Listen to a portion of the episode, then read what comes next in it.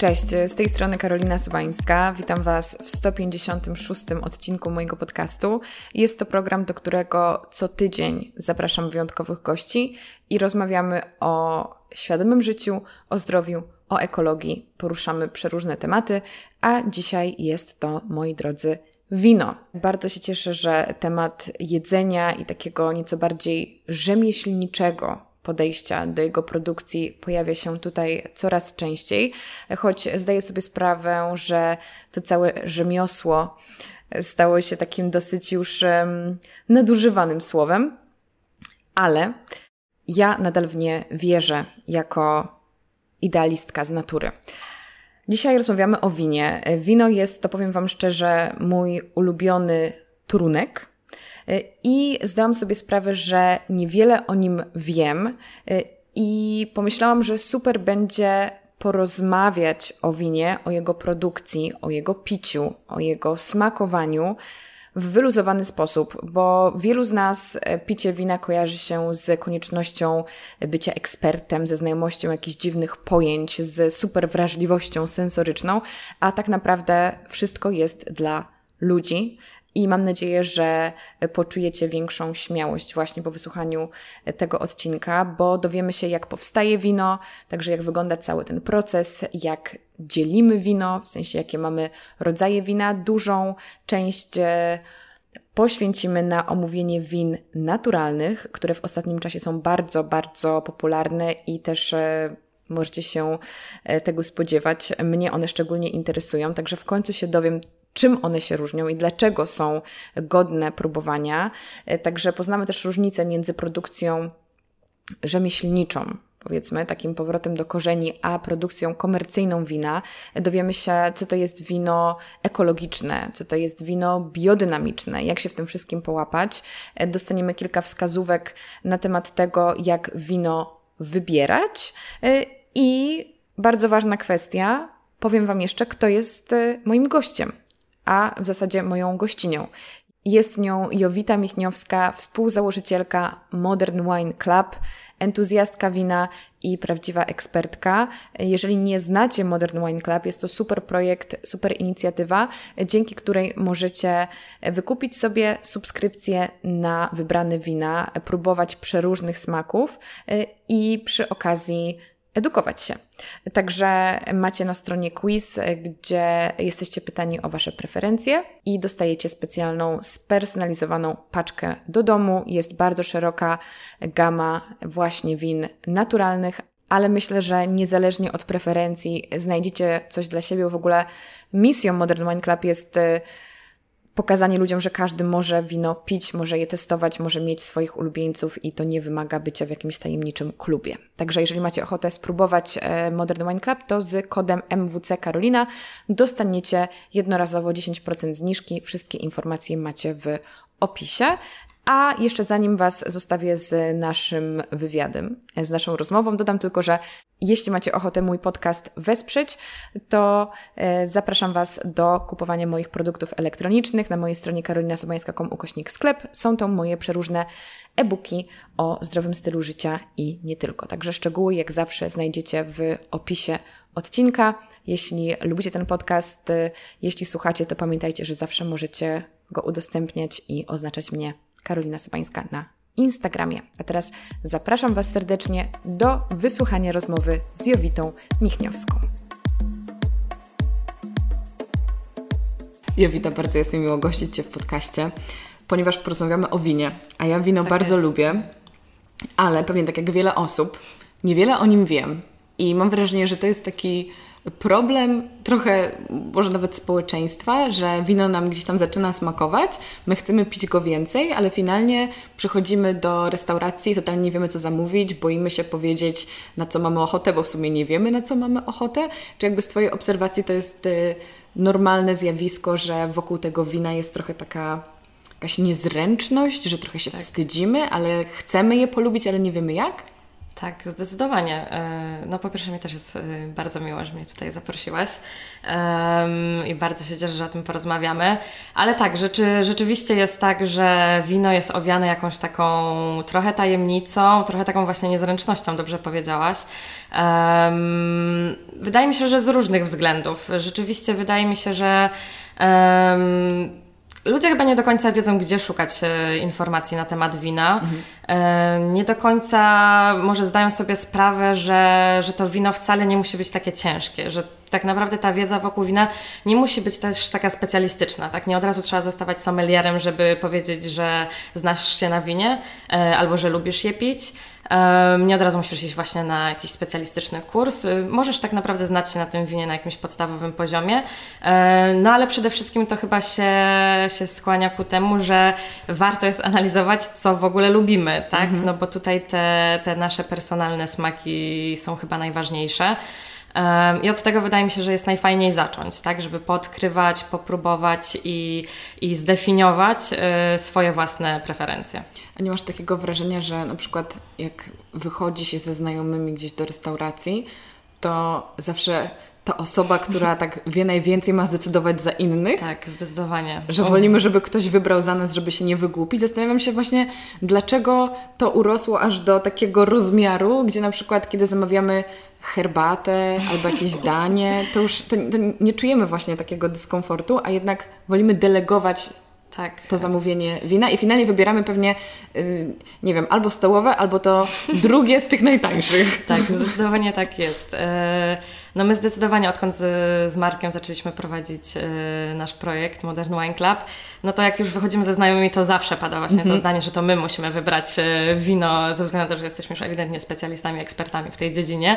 E, dla mnie to jest śmieszne, jakby oczywiście z przyjemnością zawsze to robimy, ale z drugiej strony tak sobie myślę, że to wcale nie jest do końca słuszne, tak? No bo jedno to jest to właśnie, że znamy się na winie i pewnie możemy powiedzieć, że to jest takie, to jest takie i może takie będzie Ci smakować, no ale z drugiej strony znowu to się sprowadza do tych personalnych smaków, tak? Ja mogę lubić wina czerwone, bardziej ciężkie, wytrawne, a druga osoba tak naprawdę może lubić zupełnie inne wino, słodkie, yy, lekkie i białe, tak? I, I tutaj tak naprawdę no, te smaki wydają mi się właśnie kluczowe i tak jak w przypadku na przykład jedzenia, yy, wydaje mi się, że już jesteśmy na tyle świadomi, że łatwo nam zdefiniować, mhm. prawda? Lubię na przykład, nie wiem...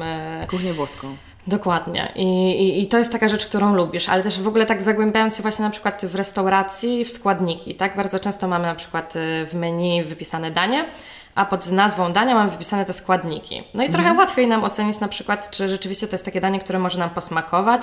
Y, nie wiem, czasami się zdarza, że na przykład jest jeden składnik, którego na przykład absolutnie nienawidzimy, no i przez to, że te składniki są tam wypisane, no to nie bierzemy tego dania. A w przypadku wina trochę tak nie jest, bo mamy na, nazwę wina zazwyczaj, e, mamy region, z którego ono pochodzi. No, zazwyczaj dla osoby, która nie zna się zbytnio na winie, mało mhm. jej to jest w stanie powiedzieć w kwestii smaku. E, pewnie jest wypisany szczep tego wina, e, rok, z którego pochodzi, no ale to są takie dane, które no, w kwestii smaku nic nam nie mówią tak? Y, no jeżeli znasz się na winie, no to jesteś w stanie wywnioskować jakieś tam detale, y, no ale dla takiego przeciętnego konsumenta to absolutnie nic nie mówi i szczerze zastanawiałam się nad tym, dlaczego restauracje na przykład y, nie pokuszą się właśnie o takie proste tak naprawdę doprecyzowanie, jakie to wino może mhm. być, tak? No bo można określić właśnie, jakie owoce na przykład się znajdują w danym winie, jakie nuty, aromaty, smaki, czy ono jest bardziej kwasowe, czy, czy, czy, czy bardziej słodkie, czy bardziej gorzkie, no to, to już są takie elementy, które gdzieś tam pozwalają nam e, z takiego poziomu, no powiedzmy ludzkiego określić, czy takie wino mogłoby nam smakować i to na pewno by dużo ułatwiło. Ja śmiałam się ostatnio, byłam w jakimś e, barze i w opisie wina było napisane, że ono jest chrupiące.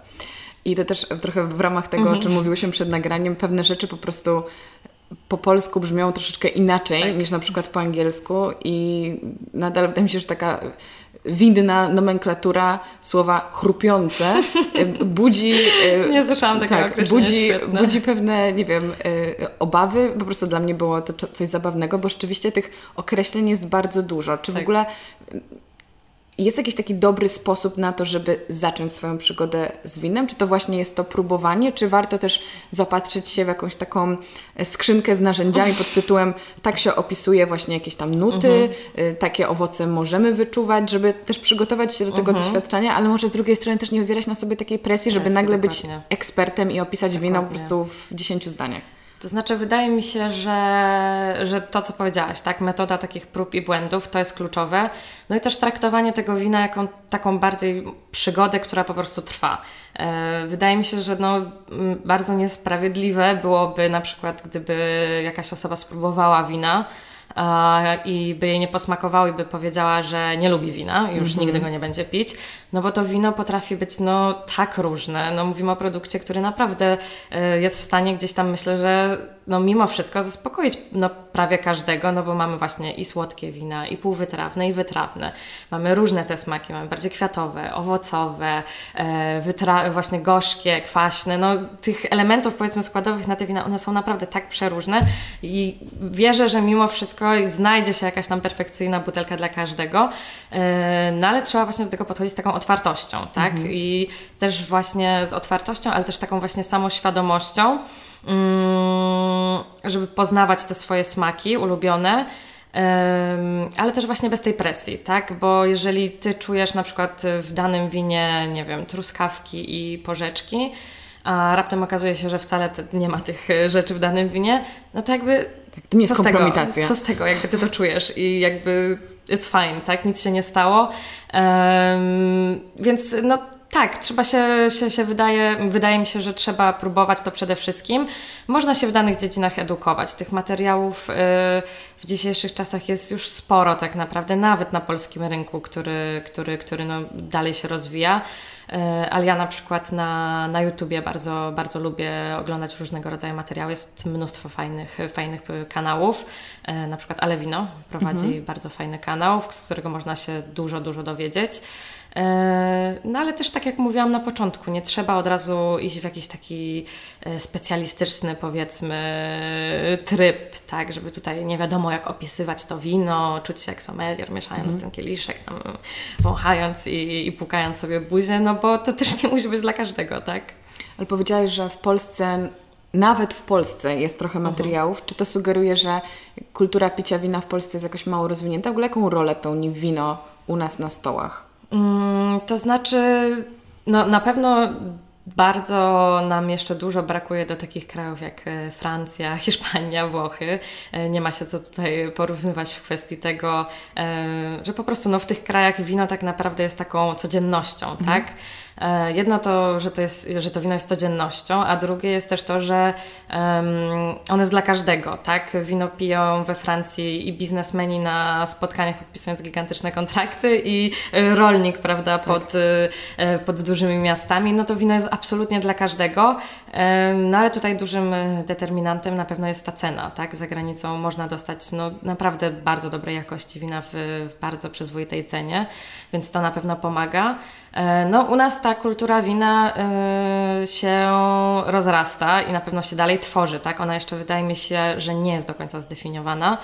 Um, ale, ale bardzo prężnie się rozwija, tak? Ta sprzedaż wina z roku na rok rośnie. E, w kwestii produkcji na przykład też e, no, w tym zeszłym roku na przykład zarejestrowanych e, mieliśmy aż 330 winnic, co wydaje się dosyć, tak, jest to dosyć szokująca liczba dla osób, które, które nie, nie interesują się tematem.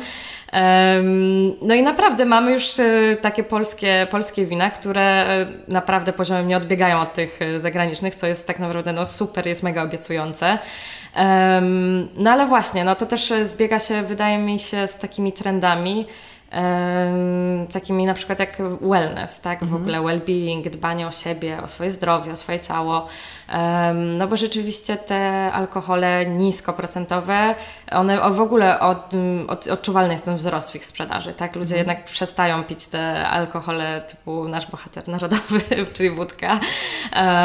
Skłaniają się właśnie tym lżejszym, co jest fajne. No, drugi na pewno element no to są też tak naprawdę restauracje, od których zaczęłyśmy.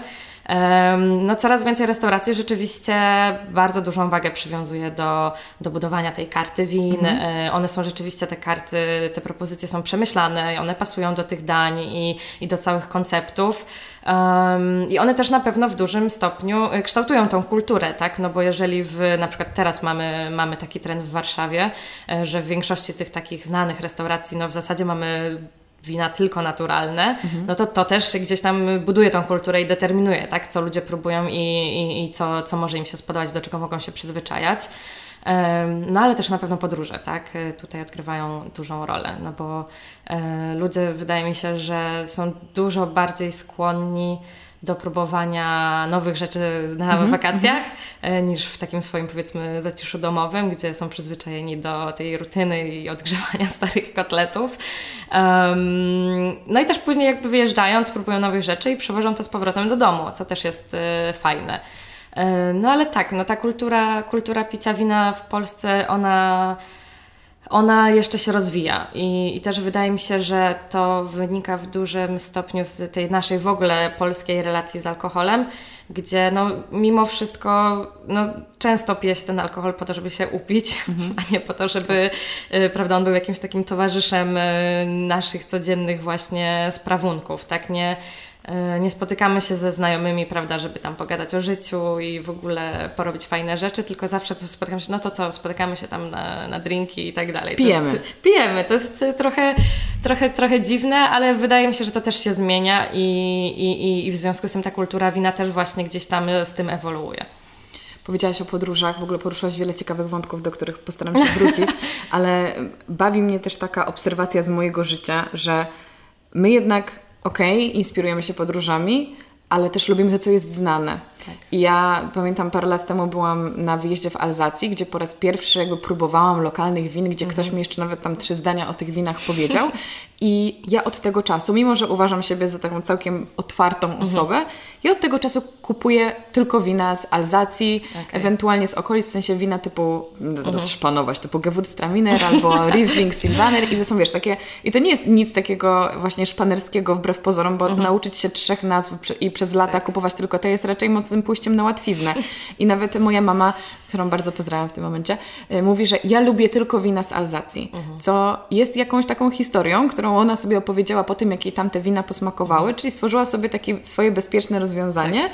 i teraz sięga tylko po nie, a to nas też y, blokuje na to, żeby próbować nowych rzeczy, no bo to znowu budzi jakieś tam obawy. obawy. Um, ale fajnie, że powiedziałaś, że tak naprawdę ciężko jest powiedzieć, że nie lubię wina. Mhm. Albo lubię wino. I podobną rozmowę miałam właśnie w kontekście kawy, że dużo osób mówi, że nie lubią kawy, a też tych odmian kaw, sposobów ich przygotowania jest tak dużo, że ciężko powiedzieć, że każda absolutnie Ci nie będzie smakowała. To jest mniej więcej tak, jakby powiedzieć, że nie lubisz ziemniaka, a z ziemniaka przecież można cuda stworzyć. No nie wydaje mi się, że była osoba, Dokładnie. która by pod każdą postacią tego ziemniaka nie lubiła. Więc e, wiemy w takim razie, że wino może być dla każdego, mhm. bo tych smaków jest bardzo dużo i tych odmian, ale czy istnieje coś takiego jak dobre wino, złe wino? Można w ogóle w ten sposób do tego podchodzić, tak to mm. kategoryzować? To znaczy, ja, ja, ja, ja nie lubię tego szufladkować w ten sposób. E, no bo znowuż, tak, e, cały czas wydaje mi się, będę do tego wracać i no, każdy jest inny, tak, każdy mm. ma właśnie jakieś swoje smaki. To, co mi smakuje, niekoniecznie musi smakować moim znajomym. Um, no i też nie wydaje mi się, że w ogóle jest potrzeba, żeby, żeby tak to właśnie kategoryzować, tak. E, rzeczywiście jest e, tak, jak powiedziałaś, ludzie bardzo lubią e, wracać do tych samych mhm. smaków, bo rzeczywiście jak już coś raz Ci posmakuje, no to fajnie, prawda, już nie musisz ryzykować, tak. nie zaryzykujesz właśnie, że wydałeś dużo pieniędzy na jakąś butelkę, która w zasadzie Ci nie smakowała, jest Ci smutno w zasadzie.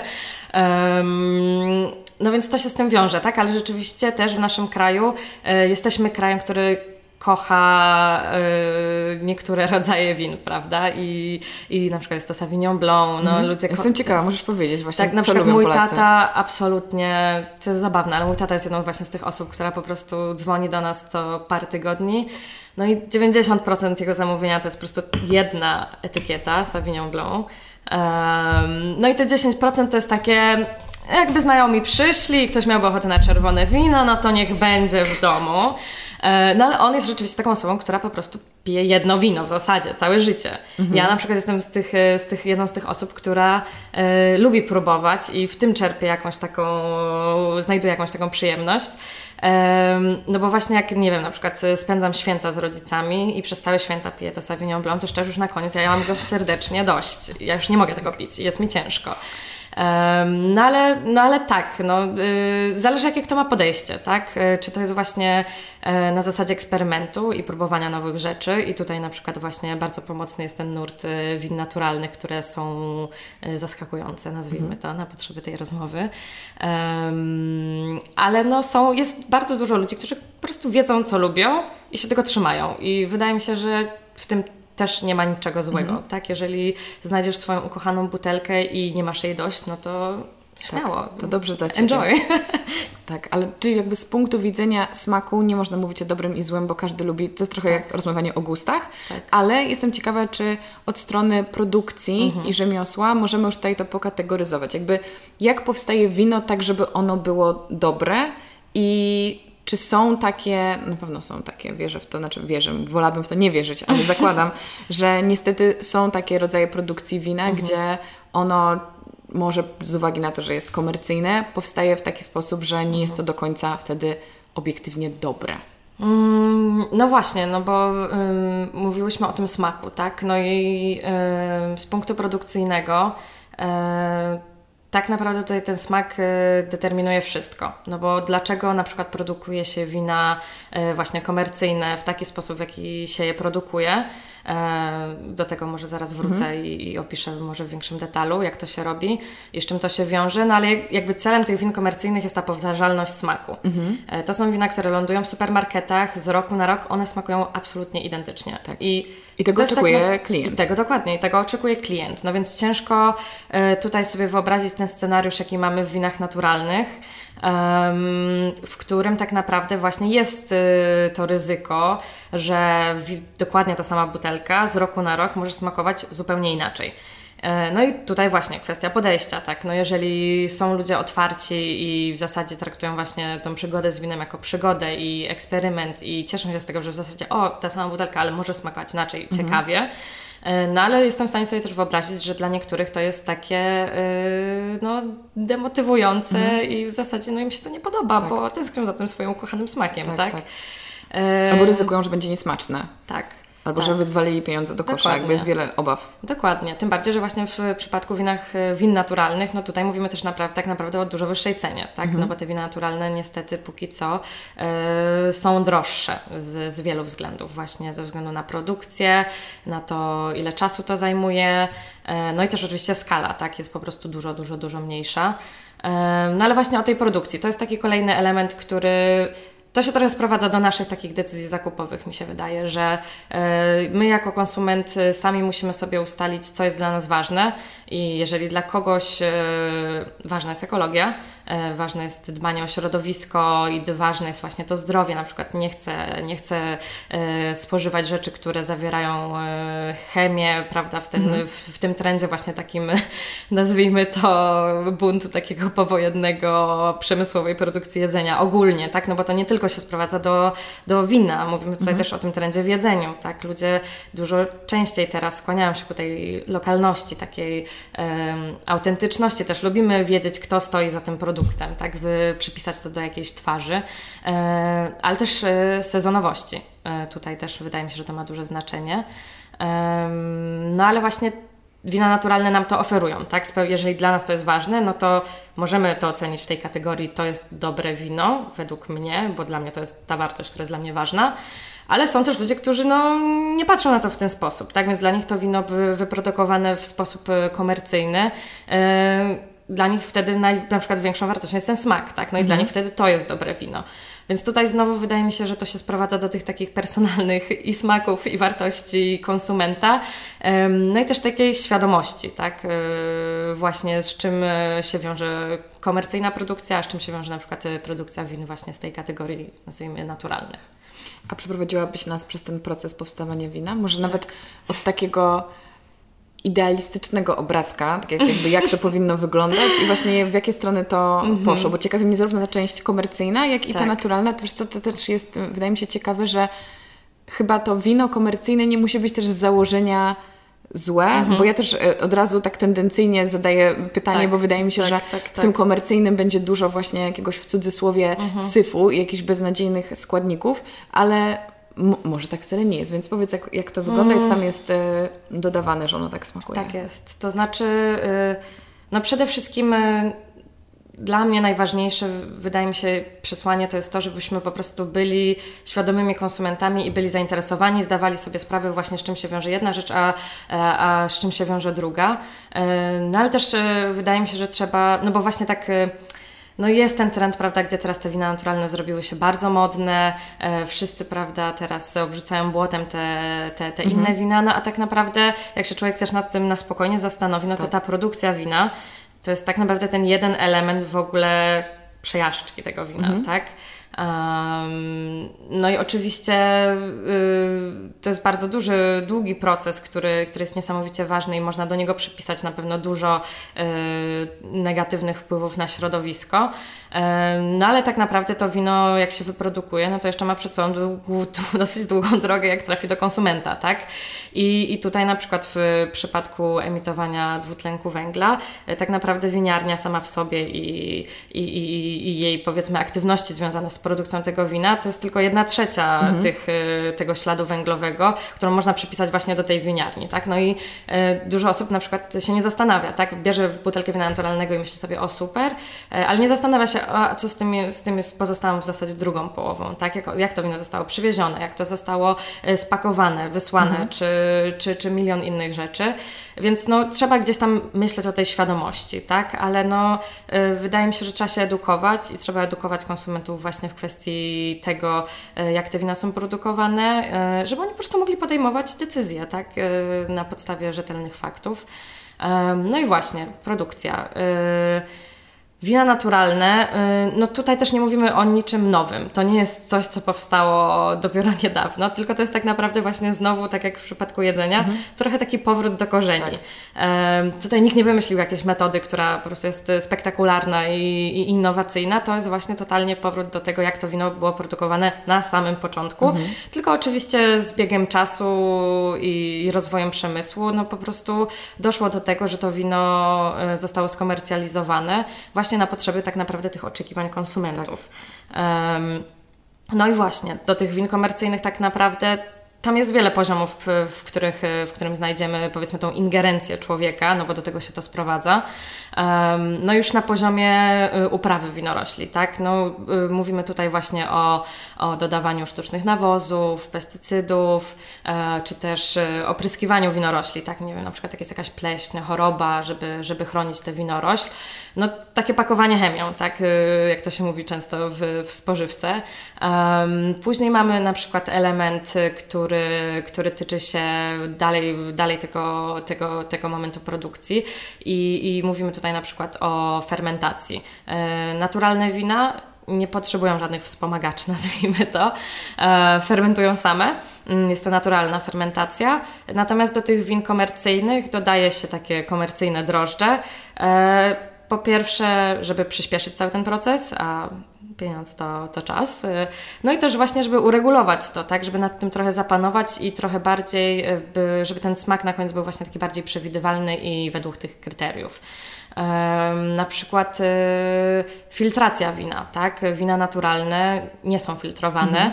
E, no i tutaj mamy ten taki charakterystyczny osad na przykład tak. na dnie butelek, czy tam wpływające farfocle, jak ja to lubię nazywać. Mętne są. Są mętne, tak. I, i tych win po prostu naturalnych się absolutnie w ogóle nie filtruje, tak? Mhm. One z, są butelkowane i sobie żyją i tak sobie zostają. Um, I to ma, to ma wpływ również na smak tak naprawdę tego wina, bo rzeczywiście to sprawia, że te wina są na przykład dużo e, intensywniejsze, mają więcej aromatów. No a rzeczywiście te wina komercyjne no, są bardzo klarowne, pięknie, tam już wszystko czyściutko, nie ma żadnych farfocli. No i tak naprawdę to tutaj znowu mówimy o tych różnicach w konsumentach, tak? No bo my na przykład y, y, sprzedając również wina naturalne u nas w ofercie, mieliśmy mnóstwo takich sytuacji, gdzie na przykład ktoś kupił wino naturalne ewidentnie Aha, po testował. prostu próbując, no i dostawaliśmy maile, tak? Y, gdzie, gdzie klient był no, średnio zadowolony i, i, i reklamował, że tak powiem, wino, no bo w środku są farfocle i w ogóle o co mhm. chodzi, czy ono się sfermentowało, e, już e, nie wnikając w szczegóły, że wino, w zasadzie tak, to jest efekt fermentacji, więc wszystko akurat z tym jest ok. Całe szczęście. Całe szczęście. No ale to właśnie pokazuje, że ludzie po prostu nie, nie wiedzą, tak? Nie, nie mhm. znają tych różnic e, i to jest, to, to jest ważne. Um, kolejna rzecz, no to na przykład y, sam fakt, że no znowu gdzieś tam w tych winach takich komercyjnych dąży się do tej perfekcji smaku, do tej powtarzalności. I jeżeli na przykład y, na pewnym etapie już przed butelkowaniem y, w winicy takiej właśnie komercyjnej spróbują wina i, i, i, i dojdą do wniosku, że hmm, kurczę, może jest za mało słodkie, to oni na przykład do, po prostu dodają tam cukru, tak? No i... Czy możemy to jakoś sprawdzić? Czy to jest gdzieś zapisane, czy raczej ciężko to Ciężko wyśledzić? jest to zweryfikować, no ale rzeczywiście, no jeżeli szukamy takich rozwiązań powiedzmy ekologicznych, naturalnych, no to po prostu to musimy wybierać te naturalne okay, wina. Wtedy okay, jesteśmy, okay. wydaje mi się, że safe, ale to jeszcze, jeszcze o tej powiedzmy różnorodności kategoryzacji win naturalnych może, może za chwilę. Um, no ale tutaj tak naprawdę wydaje mi się, że sprowadza się do, do tego, um, czego szukamy, tak? No jeżeli szukamy tych samych smaków, no na tym etapie ciężko jest znaleźć wina naturalne, które naprawdę smakują na przykład y, w ten sam sposób. Te mhm. wina naturalne też potrafią być y, dziwne, tak? One są dużo intensywniejsze w smaku, więc no, nie dla każdego tak naprawdę ten smak może się okazać ok. Są naprawdę, jest dużo już win, winnic, które opatentowały powiedzmy ten naturalizm do, do granic możliwości i te wina naprawdę potrafią smakować jak te komercyjne, co wydaje mi się, że jest super i że pokazuje, że, że ten trend i, i ta metoda jeszcze się gdzieś tam klaruje i, i, i to nie jest koniec mm -hmm. i, i to, mhm. to, to, co nas jeszcze czeka, to jest mnóstwo, mnóstwo nowości. No i to jest fajne, tak? Ale no dla każdego co innego. No, jeżeli ktoś szuka tego samego smaku i, i tej powtarzalności, klarowności, no to być może wina naturalne nigdy nie będą dla niego, tak? Powiem Ci szczerze, że dla mnie brzmi idea naturalnego wina bardzo atrakcyjnie, jakby też jest zgodna z moimi wartościami, więc generalnie jakby słuchając tych dwóch opowieści, bez problemu wybierałabym właśnie te tak. naturalne. I nie zdawałam sobie sprawy, że to jest zupełnie inna kategoria napoju. I oczywiście nie przetestowałam ich na mhm. tyle, żeby móc teraz się wypowiadać, że takie mam ostateczne zdanie i może nigdy tak nie będzie, ale miałam ostatnio właśnie przyjemność przetestować kilku naturalnych win i no, moi drodzy, dla mnie to w ogóle nie smakowało jak wino. Tak. To było bardziej, e, w smaku dla mnie przypominało alkoholową kombuczę albo tak. jakiś taki zakwas, tak. y, ale, ale nie zakwas, tylko ala ocet jabłkowy. Trochę mhm. przypomniało mi y, czasy, kiedy właśnie piłam taki domowy cydr w, w Normandii, we tak. Francji. On mi wtedy bardzo smakował, ale to jest trochę taka właśnie alkolemoniada. Alkolemoniada. Y, I mhm. one też są naprawdę dziwne i to też jest niepokojące określenie, bo nie wiem, czy też tak masz, ale y, ja mam takie przekonanie, że jak nazywasz jedzenie ciekawym, już nie daj Boże dziwnym, tak. to znaczy, że to nie jest do końca Twój ulubiony smak. I właśnie tak. to jest to pytanie, czy my mm. jako konsumenci przyzwyczajeni do tych pysznych winek jesteśmy teraz gotowi powiedzieć, że to jest nasz zamiennik jeden do jednego, no bo to smakuje mhm. inaczej. Więc cieszę się, że mówisz, że to też się tak. rozwija. Tak, to znaczy ja powiem Ci szczerze, że dużo na ten temat myślę i też obserwuję, że tak powiem, trendy nie tylko w Polsce, ale i, i za granicą. No bo wiadomo, ten trend win naturalnych za granicą już jest dużo bardziej mhm. rozwinięty niż u nas w Polsce. To się dopiero tak naprawdę rozwija i gdzie e, no, powstają takie świetne koncepty, prawda, jak e, terroryści na przykład, czy Natural Rascal, którzy ten, ten świat win naturalnych przedstawiają i, i, i, i w super naprawdę sposób i sprowadzają świetne wina. Tak, tak. No właśnie, um, sorry, przerwę, ale właśnie od nich próbowałam tak. te wina i za nimi często idzie taka fajna historia, tak. właśnie za tymi producentami, że super jest to tak. wspierać, ale jednak smakowo to jest tak. nowa kategoria. To jest nowa kategoria i to jest, y, ja się szczerze powiedziawszy zastanawiam i nie mam odpowiedzi na to pytanie, Czy wino naturalne to jest tylko trend, mhm. który przeminie, tak jak na przykład y, parę lat temu był po prostu totalny hype na cydry. Wszyscy mhm. Polska piła cydry A, i, i nagle teraz jakby cydry chudaty, jakby nikt tego nie pije e, i leżą sobie w sklepie i nikt ich absolutnie nie kupuje. Um, mam, wydaje mi się, że mimo wszystko nie będzie aż tak źle jak z cydrami, um, ale że ten, te wina naturalne po prostu będą mimo wszystko musiały iść w tą stronę takiego E, no, równania, tak? Standaryzacji. jakiejś standaryzacji, no bo e, i są wina, są wina, naprawdę można takie znaleźć. E, zresztą mamy je w ofercie, może później zdradzę, które na sam koniec wpiszemy w kopii. Mhm. są wina, które są winami naturalnymi i naprawdę smakują jak te wina normalne. No więc wydaje mi się, że to jest chyba jakiś taki jeden z kierunków, do których fajnie by było, żeby te wina naturalne mimo wszystko dążyły. Ale też wydaje mi się, że fajnie by było, gdyby ta część jakby pewien procent tych win był taką trochę niespodzianką, mm -hmm. tak? E, no bo jest coś takiego, że, że ludzie, duża część ludzi i wydaje mi się, że w szczególności w młodszym pokoleniu e, szuka tej ekscytacji, tak? Oni lubią otworzyć tą butelkę i w zasadzie e, nie wiedzieć, prawda, co ich czeka. No ale to też właśnie wiąże się, wydaje mi się, mi się wydaje, że wiąże się z dużym stopniu z budżetem, tak? No bo tak. um, wiele razy miałam taką sytuację, gdzie na przykład kupowaliśmy butelki win naturalnych e, za niemałe pieniądze. E, no bo właśnie, no to, że wino kosztuje dużo pieniędzy wcale nie oznacza, że musi być, e, prawda, według naszych smaków dobre.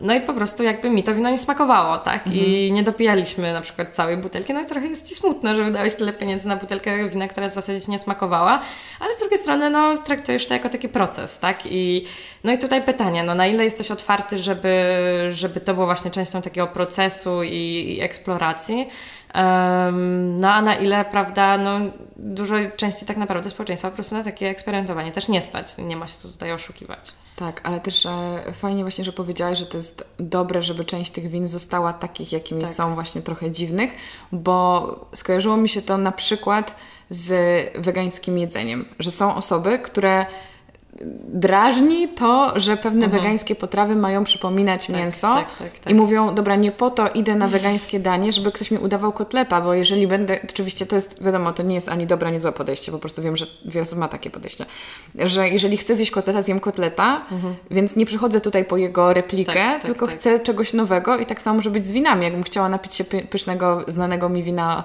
od lat, po prostu kupię tę butelkę, a wy mi dajcie jakiś nowy experience, więc też trzeba chyba dostrzec różne segmenty i tak. też różne potrzeby ludzi, którzy z jakiegoś powodu sięgają po takie wina. No jakby ja ewidentnie identyfikuję się z tymi, którzy życzyliby sobie czasem wypić wino, które smakuje jak takie klasyczne, tak. ale wiem, że jest naturalne. No tak. ale powiedziałeś, że też naturalne się dzieli na jakieś różne kategorie, można je jakoś opisać. E, opisać co, tak. tam, co tam mamy w tym świecie? Mm, to znaczy, wydaje mi się, że warto zacząć od y, win ekologicznych no i jeśli mówimy o winach ekologicznych, no to tutaj e, z poziomu właśnie produkcji wina nie dodaje się e, sztucznych nawozów, pestycydów, ale z kolei jest dozwolone na przykład opryskiwanie winorośli przed właśnie pleśnią, przed chorobami, chroni, aby chronić się przed różnymi chorobami.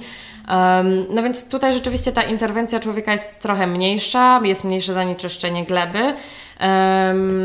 No ale gdzieś tam powiedzmy dozwolone są takie wyjątki w kwestii produkcji wina.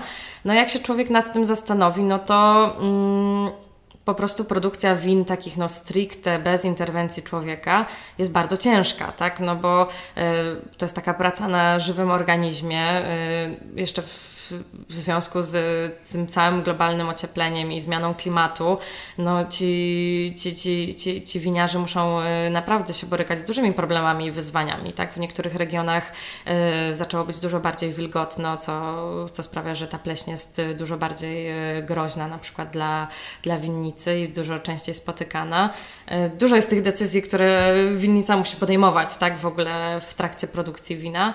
Um, no więc, y, no rzeczywiście, jak człowiek sobie o tym pomyśli, no to no ta chemia w jakiś sposób minimalizuje ryzyko, prawda, mhm. że na przykład no cała, e, cała uprawa pójdzie, prawda, do śmietnika, no bo czasami też tak się zdarza, że, że, że na przykład jest jakaś choroba, która zaatakowała już wszystkie winorośle, no i niestety nie będzie z tego zbiorów w tym roku.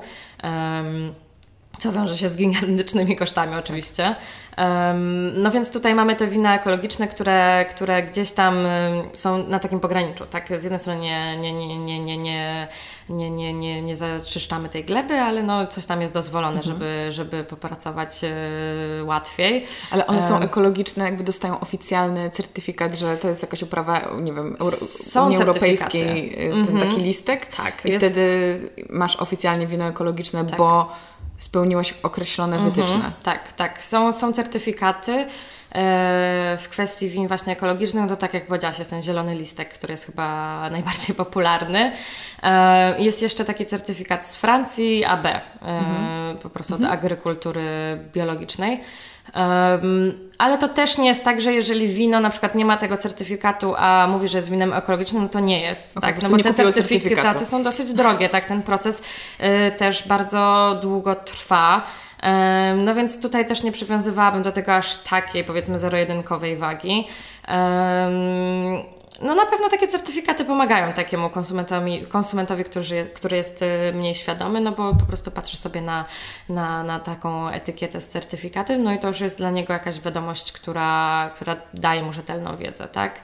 E, drugim takim, e, takim rodzajem win z tego parasola, nazwijmy to naturalnych, jest, y, są wina biodynamiczne. Mhm. No i to jest dosyć ciekawy temat, bo... To już jest takie gorące słowo.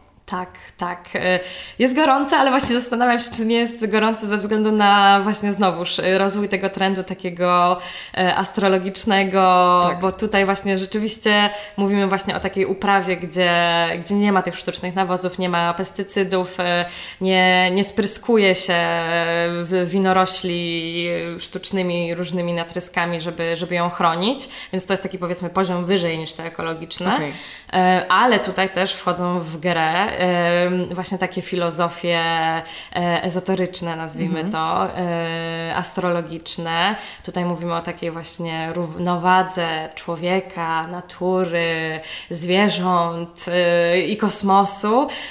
Zbiory na przykład dokonuje się według kalendarza księżycowego i słonecznego. No ale znowu, że jak się człowiek nad tym zastanowi, to tak. to jest trochę taki powrót do korzeni. Tak, ja pamiętam, tak. że moja babcia na przykład totalnie podlewała rośliny i przesadzała w odpowiednich dniach ze względu na kalendarz e, księżycowy. E, e, słuchaj, ja byłam w, w gospodarstwie rolnym bardzo no dużym właśnie. w Polsce w zeszłym roku i dowiedziałam się pana, od Pana, który absolutnie nie ma nic mhm. wspólnego z żadnymi ezopogańsko jakimikolwiek y, tej poglądami. Wręcz jest osobą bardzo wierzącą y, katolikiem i mhm. pokazał mi kalendarz księżycowy, zgodnie z którym od wielu lat mhm. swoje plony no tak, dokładnie plony zbiera i swoje nasiona sadzi, Dokładnie. chciałam powiedzieć jako ekspert w tej branży. E, I, I, nie widział w tym nic absolutnie dziwnego. Powiedział, to mhm. się sprawdza, ja mam tak. po prostu sukces rok za rokiem, więc właśnie ta, ta tak. natura i te gwiazdy wiedzą, słuchajcie. Tak. Usłyszeliście I to, to wiesz, y, nie tylko tak naprawdę w branży takiej spożywczo-alkoholowej, ale też tak naprawdę w beauty, tak? No, no teraz y, wie, od wielu lat też się mówi, że na przykład w pełni, jeżeli chcesz zapuścić włosy, no to w pełni podcinaj tak. włosy, bo dużo szybciej będą Ci rosły. No gdzieś tam y, te światy zaczynają tak przenikać, nazwijmy to. E, I to też jest fajne, tak? No bo, no bo rzeczywiście to dodaje jakiejś takiej no, ciekawszej historii, tak, mhm. niż e, takie wino przemysłowe, gdzie tam fabryka, fabryka, zbieramy maszynami i w ogóle yy, prawda, wszystko robią za nas maszyny. No tutaj mamy rzeczywiście taką historię człowieka, już mamy trochę więcej tej filozofii, historii, no to jest fajne. Ludzie jednak mimo wszystko szukają takich rzeczy, wydaje mi się, że coraz bardziej. Ale czy każdy może sobie napisać, że ma wino biodynamiczne, czy to jest w jakiś sposób regulowane? Yy, tutaj, tutaj znowuż, tak, ta sama w sumie sytuacja, co przy winach ekologicznych. Są certyfikaty, yy, które, które mo, winnice mogą pozyskać, na przykład jest to taki certyfikat Demeter, też dosyć mhm. popularny. No ale znowuż, tak, no to jest y, długi, akurat w przypadku win tych biodynamicznych to jest y, bardzo długi okres. Y, rzeczywiście te instytucje, które przyznają te certyfikaty, one to bardzo rzetelnie sprawdzają i tam badają stężenie zanieczyszczenia w glebie. No to jest czasochłonny proces, też kosztowny dla takiej winnicy. No a jeżeli mówimy o winnicach zazwyczaj małych, no to no, ciężko wydaje mi się powiedzieć, żeby, nie wiem, czy na, na miejscu, stawiając się w butach e, takiej winnicy, no też nie do końca chyba chciałabym na początku przynajmniej samym wydawać pieniądze na taki certyfikat, mm -hmm, tak? Oni na początku, to jest ciężka praca, to jest e, też bardzo niewdzięczny zawód, wydaje mi się, mimo wszystko. No, nie wiem, czy to jest taka inwestycja, która robi jakąś absolutną jest to rewolucję. chyba wielka nisza. Znaczy mała nisza. To jest tak, tak, Niewiele jest osób, które mimo wszystko kupią to wino, tak. dlatego że dokładnie. prawdopodobnie ktoś rozmawiał z grządką. Dokładnie, dokładnie tak. No i więc wiele, wiele win, butelek, etykiet nie ma tego certyfikatu, prawda? A są y, pochodzenia powiedzmy z winnic y, biodynamicznych. No więc tutaj znowu nie, no, nie jest zero-jedynkowa sytuacja, w której to wino ma certyfikat, więc jest biodynamiczne. Nie ma czegoś takiego. E, no i ostatni, ostatnia kategoria, no to są te wina naturalne, nasze ukochane, bardzo, bardzo modne, bardzo trendy w dużych miastach. No i tutaj tak naprawdę sprawa się trochę komplikuje o tyle, że w przypadku win naturalnych tak naprawdę nie ma jakichś takich sztywnych ram, e, jakie to winno powinno być, żeby ono mogło być nazwane winem naturalnym. Okay. Dlatego też często jest taka przepychanka w ogóle w, w tym środowisku winiarskim i tam się winiarze przepychają, że to wino mówi, że jest winem naturalnym, a wcale nie powinno i tam się złoszczą na siebie. Um, no, ale no, nie ma jakby jeszcze tak powiedzmy ustandaryzowanego tego tematu. No rzeczywiście win, wino naturalne, no to powinno być to wino, które y, oczywiście nie ma dodawanych tych sztucznych nawozów, nie jest opryskiwane, zbiera się ręcznie, e, więc to też jest kolejny element, który wow. gdzieś tam e, no, komplikuje dosyć sprawę, tak? tak no, wydłuża cały proces, podwyższa cenę zdecydowanie. E, no i też tutaj w tym przypadku win naturalnych bardzo często te winnice powracają do jakichś takich no może nie starożytnych, to jest może zbyt yy, wygórowane słowo, ale takich rzemieślniczych, mocno lokalnych, yy, że tak powiem, technik w ogóle produkcji tego wina, co, co, co dodaje tego aspektu właśnie takiej yy, lokalności i też właśnie bardzo często yy, skupiają się na szczepach yy, po, po, pochodzenia właśnie takiego lokalnego, tak? No więc to jest jakiś taki następny etap, który wydaje mi się, że się rozwija nadal. E, jest on bardzo ciekawy i, i, i, i, zobaczymy, co z tego będzie, może w ten sposób, bo ciężko wydaje mi się oceniać na tym etapie, gdzie to, gdzie to będzie podążać. Dla mnie to jest fascynujące, że to jest zbierane ręcznie i wtedy tak. patrzysz też na tę butelkę zupełnie z innej strony, z większym szacunkiem tak. i, i też w kontrze do tego, tak, warto zwrócić uwagę na to, że rzeczywiście nie każdy może sobie pozwolić na takie drogie e, wino. Mm, no i właśnie, to niekoniecznie może być rozwiązanie dla nas, jakby nie tak. musimy tego próbować, ale jeżeli już to kupujemy, to wiemy, że za tym idzie właśnie jakaś historia. A, już wiem, co chciałam powiedzieć, bo y, miałam taką pewną myśl, że musimy pamiętać chyba o tym, że to też się musi spinać biznesowo. Tak. I myślę, że jest wiele osób, które produkują wina na przykład, bo to jest jakieś ich hobby, mhm, bo to jest coś, co zrobili dlatego, że osiągnęli jakiś tam sukces finansowy i teraz chcą ideologicznie produkować naturalne mhm. wino. Jak nie wyjdzie, to trudno, ono ma być naturalne, rzemieślnicze. I to też myślę może prowadzić do takich jakichś dziwnych zgrzytów w środowisku, że oczekujemy potem, że wszyscy będą w ten sposób produkować tak. wino, a są ludzie, którzy po prostu z tego żyją i żyją z tego kolejni ich pracownicy, rodziny. Tak y, I, I to, że im ten, te plony nie wyjdą, tak, że coś się wydarzy po drodze, bo nie dodali jakiejś sztucznej tak. chemii, tak naprawdę ma ogromne konsekwencje na całej masie tak. ludzi i jakby całym, na całym łańcuchu, tak. a w sytuacji, kiedy ktoś robi sobie zajawkowo wino, bo na przykład właśnie słyszałam, że często, no nie przy tych winach naturalnych masz 500 butelek na przykład, tak? tak? I jakby, no 500 butelek, wiadomo, jest to jakiś tam zysk, ale prawdopodobnie nie, nie, nie zależy od tego całe Twoje życie, tak. więc możesz sobie w nieco snobistyczny sposób dobierać klientów i podejść tak. do tego jako atrakcji, ale wtedy to ryzyko jest po prostu mniejsze. Tak. Niemniej uważam nadal, że jest to super rzecz, tylko że chyba warto jednak się odsunąć od tej, od tej oceny. Tak. Tak, to znaczy ja się bardzo, ja personalnie bardzo lubię wina naturalne i, i rzeczywiście bardzo często po takie sięgam. Też za właśnie ze względu na to, że po prostu lubię próbować nowych mm. rzeczy, tak? I rzeczywiście te wina naturalne cały czas spływają do nas, do Polski i rzeczywiście jest mnóstwo, mnóstwo butelek, które można próbować. Też właśnie ze względów takich ideologicznych, tak? No ten zrównoważony rozwój jest dla mnie w życiu po prostu istotny. No ale też y, wydaje mi się, że no to jest temat rzeka, tak? I, I tutaj ja na przykład mam taki trochę, no może nie problem, ale taki zgrzyt emocjonalny w kwestii tych win naturalnych i, i, i, i produkcji wina naturalnego, że tutaj um, rzeczywiście no wszyscy bardzo się koncentrują na tej takiej e, elitarności, nazwijmy to.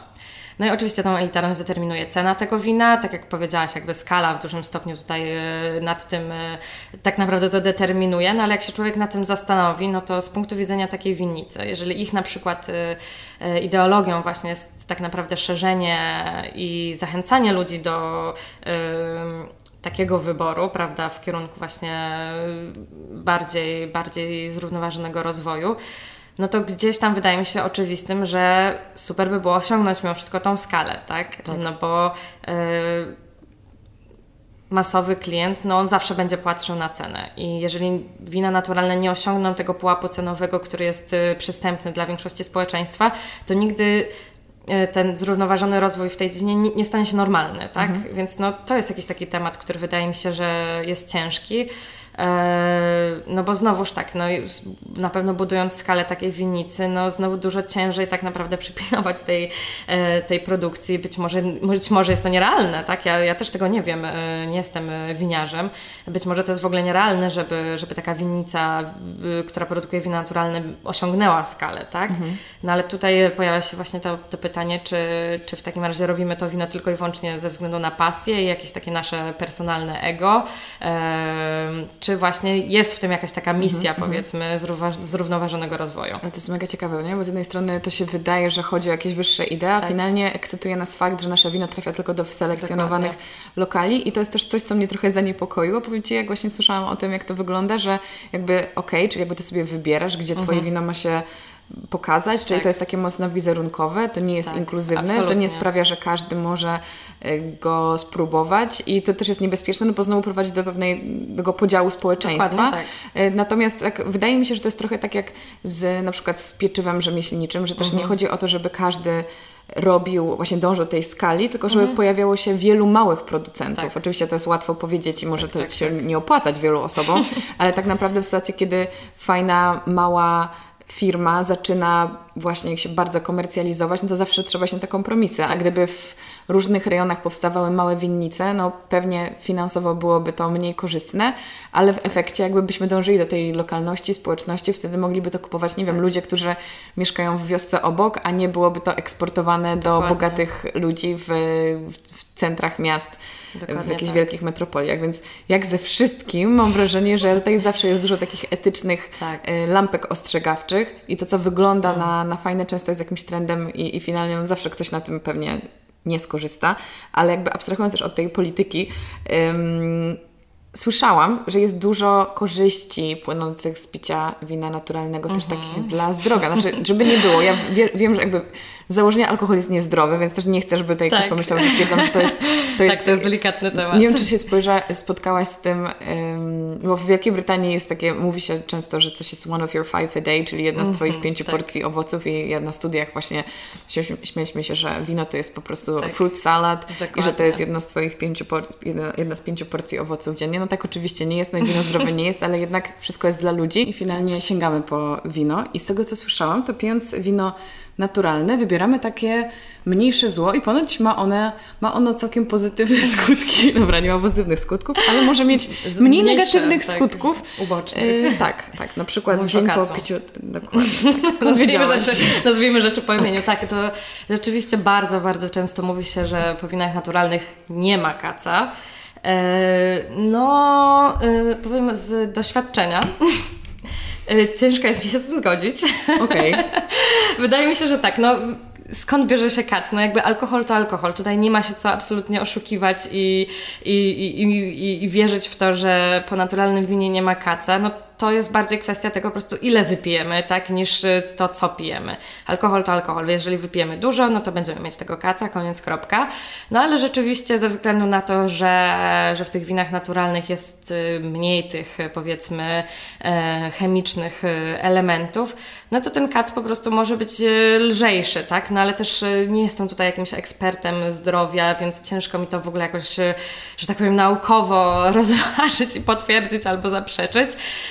Wydaje mi się logicznym, tak? Że jeżeli pijemy no, lepszej jakości alkohol, to lepszej w tym wypadku, prawda, rzeczywiście nie zawierających tych chemicznych elementów, no to ten kac będzie lżejszy, no ale to wszystko zależy od ilości, absolutnie. A czy wina naturalne mają na przykład mniejszą zawartość alkoholu lub możemy się nimi mniej upijać? Yy, nie, nie, nie, nie. To znaczy wina generalnie mają różną zawartość alkoholu. Nie ma tak, że wino, prawda, ma, każde, każda butelka wina ma 15%, yy, czy 18%, czy, czy, czy, czy, czy jakąkolwiek inną liczbę. To dużo. Zazwyczaj wydaje, że ma tak 13%, nie? tak, yy, no tak rzuciłam akurat, ale yy, no, to, to zależy tak naprawdę już od, od butelki danej i, i od producenta, co chce uzyskać.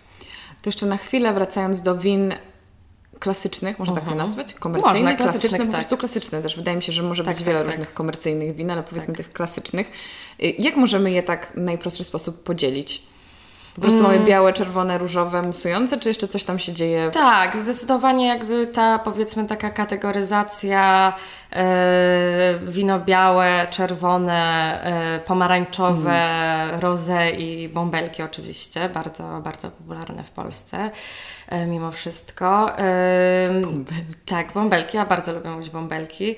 E, wino musujące oczywiście. No to tutaj rzeczywiście to powiedzmy jest takie, takie pięć kategorii głównych, no ale też tak z punktu, z punktu powiedzmy produkcji, no on, on, oczywiście są tam różne jakieś takie elementy, tak, no bo e, na przykład wino, wino białe ku zdziwieniu można produkować, jak sama nazwa wskazuje, z białych winogron, tak? które już y, swoją drogą nie są do końca białe, jak się człowiek nad tym zastanowi, no bo są zielone. Tak. Um, ale też potrafią być na jasno-różowe na przykład, prawda? Albo jeszcze jakichś innych kolorów. E, więc tak de facto w ogóle w kwestii powiedzmy jeszcze rodzaju winogron, no to do tych czerwonych winogron zalicza się te ciemno-czerwone, i też te takie ciemno-niebieskie, y, bardzo rzadko mm -hmm, spotykane, ale, ale są, są, są, są, są one i one są zaliczane do tych winogron czerwonych. No ale wino tak naprawdę białe na przykład można produkować zarówno z winogron białych, jak i czerwonych. Tylko po prostu y, w przypadku, no po prostu nie używa się tych skórek, tak? No bo mm -hmm. kolor wina w ogóle e, wynika z kontaktu ze skórkami winogron. I jeżeli to winogrona e, czerwone pozostaną powiedzmy w tej maceracji e, ze skórkami przez e, wiele tygodni, czasami, czasami i nawet do roku może to trwać, no to ten kolor przenika, tak? I, i, i z tych skórek przeciąga, prze, prze, przenikają, przenika więcej aromatów, przenika też taka bardzo charakterystyczna dla, dla czerwonego wina tanina, czyli taki, takie, takie uczucie ściągnięcia w ustach. Mhm. Taka jak się pije, to, to ma się takie uczucie. Um, no więc tutaj tych elementów jest dużo, tak? No w przypadku bąbelków, yy, no to znowu, znowuż do tej powiedzmy jakości i, i, i produkcji wina. Um, tutaj też są takie powiedzmy trzy, są takie trzy sposoby produkcji bąbelków. E, pierwszy taki no najbardziej e, prymitywny, powiedzmy sobie szczerze, e, no to jest e, po prostu wtłaczanie dwutlenku węgla okay. do, do butelki. Gazowanie wina. Tak, Coca-Cola, tak? No po prostu ładujemy ją e, gazem, no i, no i to, jest, to jest na tyle. I to są te najtańsze wina rzeczywiście. No, metoda jakby sama przez się determinuje cenę. E, później mamy, mamy metodę takiej e, podwójnej fermentacji w kadzi, no i tutaj to już są takie wina no, ze średniej półki, tak? Tutaj też nie mamy jakichś rewolucji cenowych jakościowych. No a rzeczywiście ta taka metoda, no mm, taka tradycyjna, szampańska ona się nazywa, no tutaj rzeczywiście ta fermentacja po prostu przebiega w butelce, tak? I ona trwa dużo, dużo dłużej, e, jest dużo bardziej skomplikowana, wymaga dużo więcej pracy, no więc też za tym właśnie idzie ta cena, tak? No i tutaj e, rzeczywiście te, te wszystkie francuskie szampany są produkowane właśnie tą metodą, e, ale też właśnie kawa hiszpańska, takie no już znane nam wszystkim dobrze, bruty na przykład. Mhm. Więc no, tutaj też mamy, e, mamy dużo tych elementów, które, które determinują i jakość, i cenę, i, i czas produkcji. A czym jest różowe wino? Ja kiedyś myślałam, że to jest zmieszanie białego z czerwonym. Eee, nie, nie jest, to, nie jest to to. To jest tak naprawdę dużo prostsze niż się człowiekowi wydaje. Eee, różowe wino to jest tak naprawdę wino z czerwonych e, winogron, pozostawione właśnie z tymi skórkami, o których mówiłam okay. wcześniej, tylko na bardzo krótki czas, na parę godzin dosłownie. E, minimalnie ten kolor i te aromaty, właśnie ta tanina też w pewnym stopniu przenika. No i po prostu te skórki się, się, się, się, się zabiera z tego, z tego soku. No i ten kolor nie, nie jest aż tak intensywny jak przy produkcji mhm. czerwonego wina, które tam siedzi z tymi skórkami tygodniami. No i taka sama historia tak naprawdę jest w przypadku wina pomarańczowego, Właśnie. które teraz też, jest też tak, bardzo tak, trendy. Tak, tak. Ja personalnie kocham, e, jestem totalną e, fanką. Tylko tutaj właśnie mamy z kolei wino, winogrona białe i po prostu one, te winogrona białe są również macerowane z tymi białymi skórkami e, zielonymi, jakiegokolwiek koloru one nie są. E, no i właśnie stąd ten taki bardziej powiedzmy intensywny kolor, tak? E, w zasadzie tyle, nic skomplikowanego. Ale to jest super ciekawe, ja tego zupełnie nie wiedziałam. tak. E, też jestem zdziwiona, że wino pomarańczowe nagle pojawiło się w tak. menu pewnych lokali. Jest jego mnóstwo. E, a teraz okazuje się, że jakby jego produkcja jest taka sama jak różowego, tylko musiało poczekać tak. na swoje czasy. tak. I ono chyba w smaku, no właśnie jestem Jestem ciekawa, czy wino pomarańczowe i różowe jakby mhm. bliżej jest mu smakowo do białego wina, a produkcyjnie do czerwonego? Mm, to znaczy... Czy to jest w ogóle osobna kategoria, nie powinniśmy tego porównywać? To znaczy, no te wina też same w tych swoich pojedynczych kategoriach, tak, na przykład wina pomarańczowe, one też bywają przeróżne, tak, są mhm. bardziej intensywne w smaku, są, są lżejsze, są bardziej owocowe, więc tutaj ciężko jakby tak y, Y, to kategoryzować. No rzeczywiście jest tak, że że te czerwone skórki winogron, one rzeczywiście w dużym stopniu na przykład przekazują tą taninę, tak? Czyli to jest jakiś taki charakterystyczny y, smak dla tego wina, który może przypominać w smaku bardziej te czerwone wina. Ale no tutaj, tak jak mówię, no to, to, to, to, to tutaj jest jeszcze tyle tych czynników, które mają wpływ na ten smak tego wina, że, że ciężko jest to tak y, przypisać, powiedzmy, do... I trzeba próbować. Tak. To powiedz mi teraz tak, załóżmy, że interesuje nas już wino mhm. i chcemy sobie smakować je mhm. i zamawiamy, może nawet idziemy na jakiś tasting, tasting, albo zamawiamy sobie kilka różnych lampek ze znajomymi, żeby popróbować, mhm. to jak należy to wino pić? Mhm. W sensie, jak je nalewać, trzymać, czy najpierw wąchać, na co zwracać mhm. uwagę i jak je też opisać. Jakby, jak, jak przeprowadzić ten taki proces okay. smakowania wina. Mm, to znaczy właśnie taki no, klasyczny powiedzmy proces smakowania wina. No to on rzeczywiście zaczyna się od y, oceny wyglądu. No bo patrzymy sobie na to wino, y, widzimy jego kolor, y, strukturę musujące, prawda, niemusujące. No i już z tego jesteśmy gdzieś tam w oczami naszej wyobraźni w stanie sobie wydedukować parę rzeczy, tak, no bo jeżeli właśnie widzimy, że to jest wino czerwone, no to już wiemy, że będzie właśnie ono miało więcej tej taniny, tak, ono będzie, będzie już takie bardziej e, gorzkie w smaku, nazwijmy to. No więc tutaj już y, możemy to analizować wzrokiem, tak? I gdzieś tam już naprowadzać nasz umysł, nazwijmy to na pewne tory. E, następny, następny element y, to jest węch po prostu. E, wąchamy to wino, tak? No i tutaj no, wydaje mi się, że no, jak jesteśmy laikami, no to nie ma się co bawić tam w jakieś nie wiadomo jakie e, specjalne po prostu techniki obracania kieliszka. Nie, no po prostu Warto jest nim zamieszać, okay. no bo rzeczywiście powietrze uwalnia te aromaty. No i po prostu powąchać, tak? Ale też no tutaj nie, nie skupiałabym się na, na tym, żeby nie wiadomo jak dokładnie opisywać to wino, tak? Jeżeli czujesz kwiaty, no to zadawać sobie takie podstawowe pytania, tak? Czuję kwiaty, czuję owoce, okej, okay, no to jakie to są kwiaty, tak? Czy to jest bardziej róża, czy, czy, czy, czy, czy jakiś inny kwiat, jak owoce, no to czy bardziej na przykład ciemne owoce, czy bardziej e, czerwone, e, czy może cytrusy, tak wiesz, zupełnie po ludzku, mhm. co ja tam e, wyczuwam.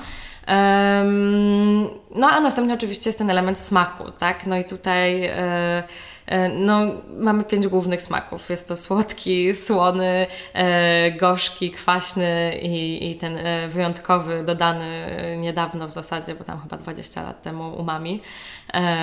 Blisko niesprecyzowany, ale pyszniutki. No jest, pyszniutki, dokładnie, wszyscy go lubią, wydaje mi się. No, taki sos sojowy po prostu. Um, i, I co? I... Um, No i rzeczywiście pierwszym takim smakiem, który zawsze człowiek czuje, no to jest ta słodycz, tak? No bo nasze receptory na języku po prostu pierwsze, które są, to, to, to, to jest ten receptor słodkości.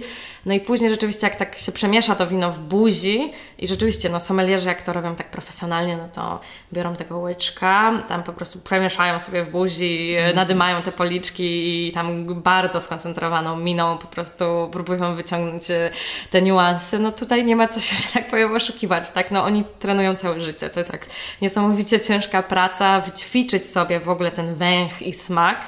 E, to trwa latami, tak? To nie jest tak, że ktoś po prostu ma do... No, oczywiście na pewno są ludzie, którzy mają do tego predyspozycję, ale no to jest trening, to jest po prostu mhm. ciężka praca. Ale to jest um, fajne, bo pokazuje, że możemy też e, się... Oczywiście, że tak. Oczywiście, wytrenować tak. w tym. Tak. No sommelierzy tak naprawdę w ogóle zaczynają swoją przygodę od tego, że yy, wstają na przykład rano, powiedzmy na taki świeży swój węch, jeszcze nie, za, nie zaszkodzony jakimiś e, elementami z całego dnia. No i wybierają sobie jakieś takie zapachy, tak? E, nie wiem, załóżmy, że to jest goździk, właśnie róża, e, pięć jakichś zapachów i po prostu trenują, tak? I wąchają z samego rana, trenują, wąchają. Wow. no i później dodają coraz więcej tych, prawda, zapachów. No więc no, to jest turbo ciekawe.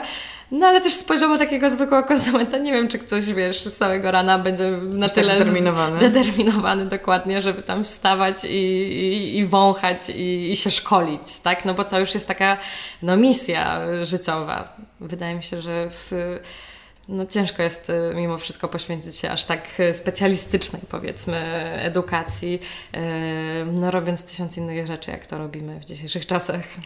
A jeśli chcemy popróbować różnych win, ale na przykład nie wiem, ja uważam, że się nie znam na winach, ale je lubię, mhm. ale lubię, jak mnie ktoś prowadzi za rękę. Mhm. Jak ktoś mi przed powie, spróbuj tego, może to Ci się mhm. spodoba.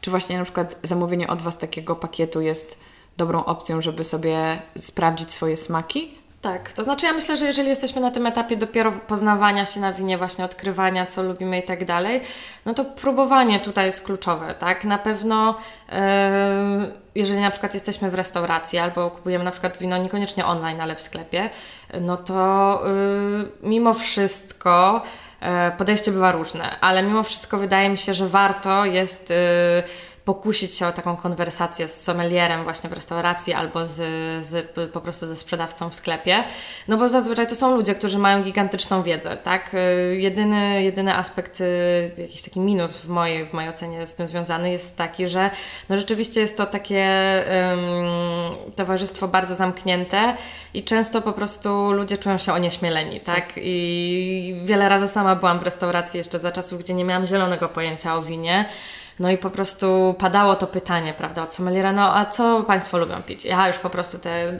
szereg myśli w mojej głowie, co że jakie aromaty Panie lubię. Ja takie, Boże, aromaty winie, przecież ja nie wiem jakie to są w ogóle, co jak ja palę jakąś głupotę. Już człowiek cały po prostu yy, upocony i, i zdenerwowany, już nie wie co powiedzieć, tak? Ale wydaje mi się, że tutaj trzeba podchodzić do tego wszystkiego z jakimś takim dystansem do, tego, do tej całej sprawy, tak, no to jest tylko wino, to nie jest koniec świata, to nie jest decyzja, która zmieni całe nasze życie. I fajnie po prostu jest wyciągnąć jakby od tych ludzi, którzy mają tą wiedzę jak najwięcej, tak, I jeżeli oni nie są, że tak powiem, um, zbyt y, przychylni w tej rozmowie na zasadzie, że zadają te ciężkie pytania, no to dopytujmy, tak, tak. i też no tak y, na ludzki rozsądek, no też myślmy właśnie w tych kategoriach takich może bardziej przyziemnych. I też wydaje mi się, że często ludziom w ogóle dużo łatwiej jest określić, y, że czegoś nie lubią. Mhm. Że dużo łatwiej jest im sprecyzować, czego nie lubią, e, niż powiedzieć na przykład, co im się podoba, czy co właśnie lubią. E, więc może warto też od tego zacząć, tak? Powiedzieć, że nie lubię czerwonego wina, tak? No to już jest y, bardzo duży determinant dla, dla, dla takiego sommeliera.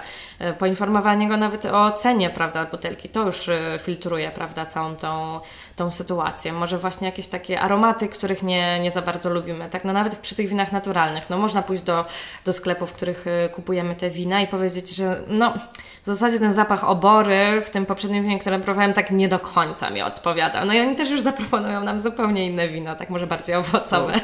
bywają, bywają takie zapachy, które też są, są, znam wielu fanów, żeby była jasność zapachu okay. no To jest też trochę jak, nie wiem, jak z whisky, chociaż tak. też Ci nie znam, ale że tak. ludziom podoba się też, że tam jest taki tak. torfowy, Dokładnie. wykręcający Dokładnie, aromat. No ale właśnie, to są personalne smaki i tutaj nie ma złych, dobrych odpowiedzi. E, no i też nie ma się co tutaj, że tak powiem, właśnie tak nastroszyć w tym temacie i, i, i, robić z tego nie wiadomo jaki rocket science, tak? Wino to jest wino, wino jest po to, żeby sprawiać nam przyjemność, żeby nam towarzyszyć w fajnych momentach, czy to w gotowaniu ze znajomymi, czy na randce, czy, czy oglądaniu po prostu e, Netflixa z z poziomu kanapy, czy za, po prostu opijaniu, prawda, jakichś sukcesów, czy też zapijaniu smutków, bo i tak bywa. E, niech ono będzie takim towarzyszem i właśnie taką po prostu poboczną przygodą, która, którą fajnie jest odkrywać E, no i właśnie, z taką otwartą głową może. Ale w takim razie Modern Wine Club jest dla ludzi, którzy już się znają na winie, czy dla tych, którzy są zieloni hmm. też? Wiesz co, zdecydowanie tworząc MWC bardziej e, Naszym celem zdecydowanie było bardziej dotarcie do osób, które się na tym winie nie znają i zachęcenie ich do tego, żeby próbowali. Okay. naszym, że tak powiem, naszą taką wartością główną na pewno jest taka demokratyzacja. Tak? My w swojej ofercie, przynajmniej tej pierwszej, bo cały czas ją rozwijamy. Y, ostatnio, tam trzy miesiące temu dodaliśmy 30 butelek, w przyszłym tygodniu znowu dodamy kolejne 30. my, no, na początku zaczęliśmy rzeczywiście od takich win bardzo przystępnych. Bardzo nam zależało, żeby nie tworzyć selekcji, która będzie niedostępna dla ludzi e, i będą myśleć, że o, nie chcę tego kupić, bo właśnie wydam dużo pieniędzy i nie będzie mi smakować. Chcieliśmy stworzyć takie środowisko dla ludzi, którzy nie znają się na tym winie i chcą go spróbować i, że tak powiem, nie, bo, nie będą się tego bali i oni z czasem będą sięgać po te droższe butelki wina. Wydaje mi się, że to jest taki naturalny, że to jest taka naturalna kolej rzeczy. Um, ale rzeczywiście zależy nam na tym, żeby być takimi demokratycznymi, tak? I, I żeby osoby, które nie znają się na winie, mają mniejszy budżet, znalazły takie wina, e, ale osoby, które znają się na tym winie, czy na przykład lubią tylko wina naturalne i tak dalej, żeby też takie butelki u nas znalazły. I, i, i też. Y, no cóż, no to, to czym jest y, teraz w ogóle Modern Wine Club, a, a to czym planujemy, żeby się stało, to też są w ogóle dwa różne tematy. E, no mamy duże, duże, duże, duże plany i będziemy naprawdę bardzo rozwijać ten projekt i, i no ale od czegoś trzeba było zacząć, więc... Y, ale czy ten czynnik edukacyjny też jest dla Was ważny? Jest ważny, bo, bo tak naprawdę on też wpływa na decyzję tych naszych konsumentów i wydaje mi się, że ta, no ta edukacja u nas tak naprawdę ona się sprowadza do takiej ja nie lubię już używać tego słowa edukacja do końca, mhm. E, bardziej właśnie nazywam taką przejrzystą i zrozumiałą komunikacją. Tak, my staramy się po prostu rozmawiać z naszymi konsumentami i nie zasypywać ich jakimiś po prostu specjalistycznymi określaniami, których oni po prostu nie rozumieją, tylko właśnie w taki prosty, po ludzku sposób tłumaczenie im takich podstawowych zasad, y, no właśnie czym jest wino pomarańczowe, tak, albo y, czym są wina naturalne, biodynamiczne, no to są takie rzeczy, które wydaje mi się, że fajnie, żeby ci konsumenci wiedzieli, ale też z punktu naszego takiego biznesowego dobrze, żeby oni je wiedzieli, no bo właśnie na przykład nie będziemy mieć wtedy takich sytuacji, gdzie ktoś kupi wino naturalne, a zgłasza reklamację, że tutaj, prawda, on dostał wino, któremu w zasadzie nie smakuje, bo w ogóle się nie spodziewał, że wino może tak smakować, mhm. tak, no i też ciężko obwiniać takiego konsumenta, że, y, że jemu to wino, wino nie smakuje i my na przykład stosujemy taką politykę, że, że zazwyczaj po prostu e, no mamy taki happiness promise, nazwijmy to, że, że wymieniamy te butelki, tak? I, I to mamy wpisane w model biznesowy, no bo nam zależy, żeby ludzie cieszyli się z tego wina, a nie, nie się nim stresowali i żałowali czegokolwiek, tak?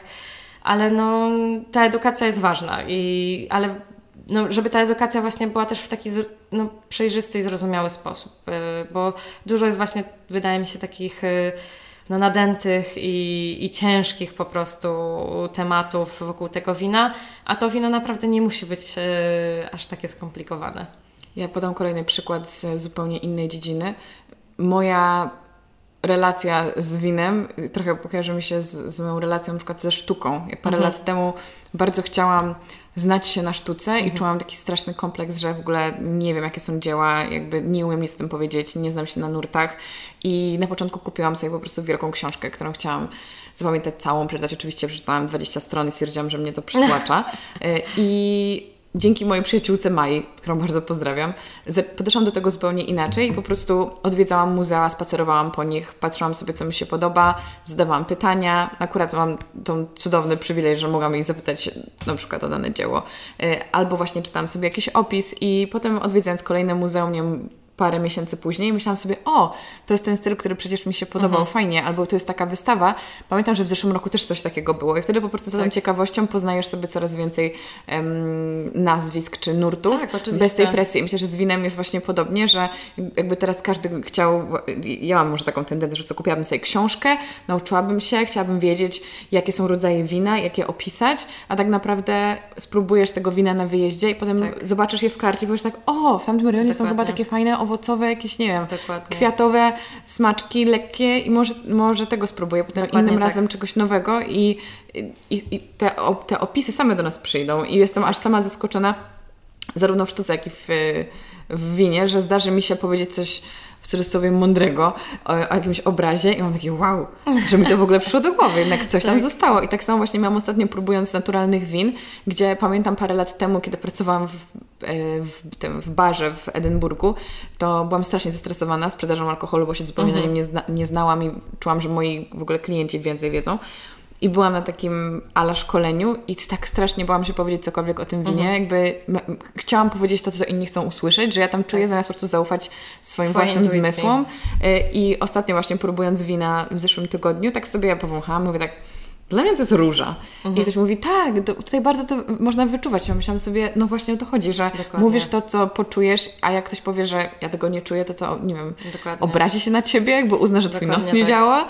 Jakby właśnie większy taki luz i robienie tego dla siebie, a nie też I też jakby... dla fanów właśnie. Tak, a nie też dla, nie wiem, jakiegoś statusu, czy, czy tego, żeby komuś zaimponować. Nie wiem, no jeżeli Twoim znajomym imponuje to, że dobrze trafisz w kwiat, no to, Tak. to nie Myślę, wiem, że to jest bardzo mały procent ludzi, dla których jest to Tak, niezwykle istotne. Tak, a, ci, dla których to jest istotne, to nie wiem, czy to, czy to jest spoko, ale to już każdy sam to oceni.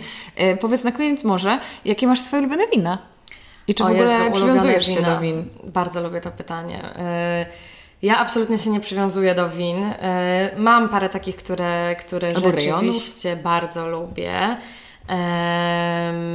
Ale to też bardzo w moim przypadku na przykład zależy od sezonowości, Mhm. bo, bo właśnie latem piję bardzo dużo win naturalnych i właśnie bardzo lubię ich próbować, więc tak powiedzmy jestem w takim, w takim, w takim na takiej misji odkrywania, może też lato do tego sprzyja, że Tak. takie jednak wakacje trochę bardziej na luzie. No rzeczywiście zimą jestem trochę bardziej zachowawcza.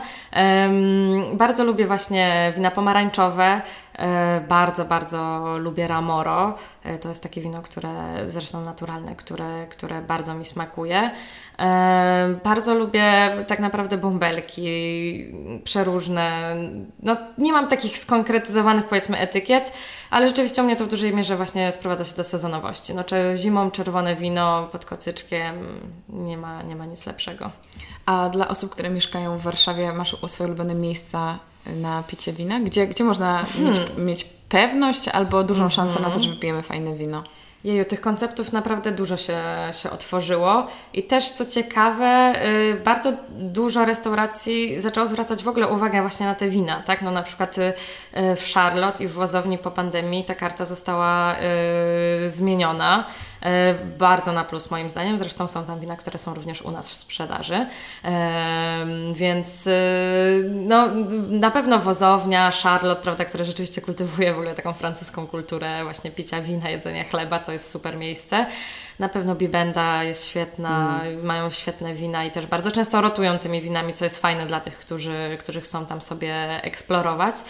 E, No ale też jest dużo takich, y, może nie niekoniecznie trzeba iść do restauracji, no ale właśnie bardziej do tych sklepów specjalistycznych, tak? Y, Jest ich naprawdę mnóstwo, jeśli chodzi o te naturalne, no to e, właśnie no już bardzo, bardzo popularny na rynku Natural Rascal, e, ale też na przykład świetne wina naturalne są u terrorystów na Olkuskiej ulicy. E, Absolutnie kocham ich wina.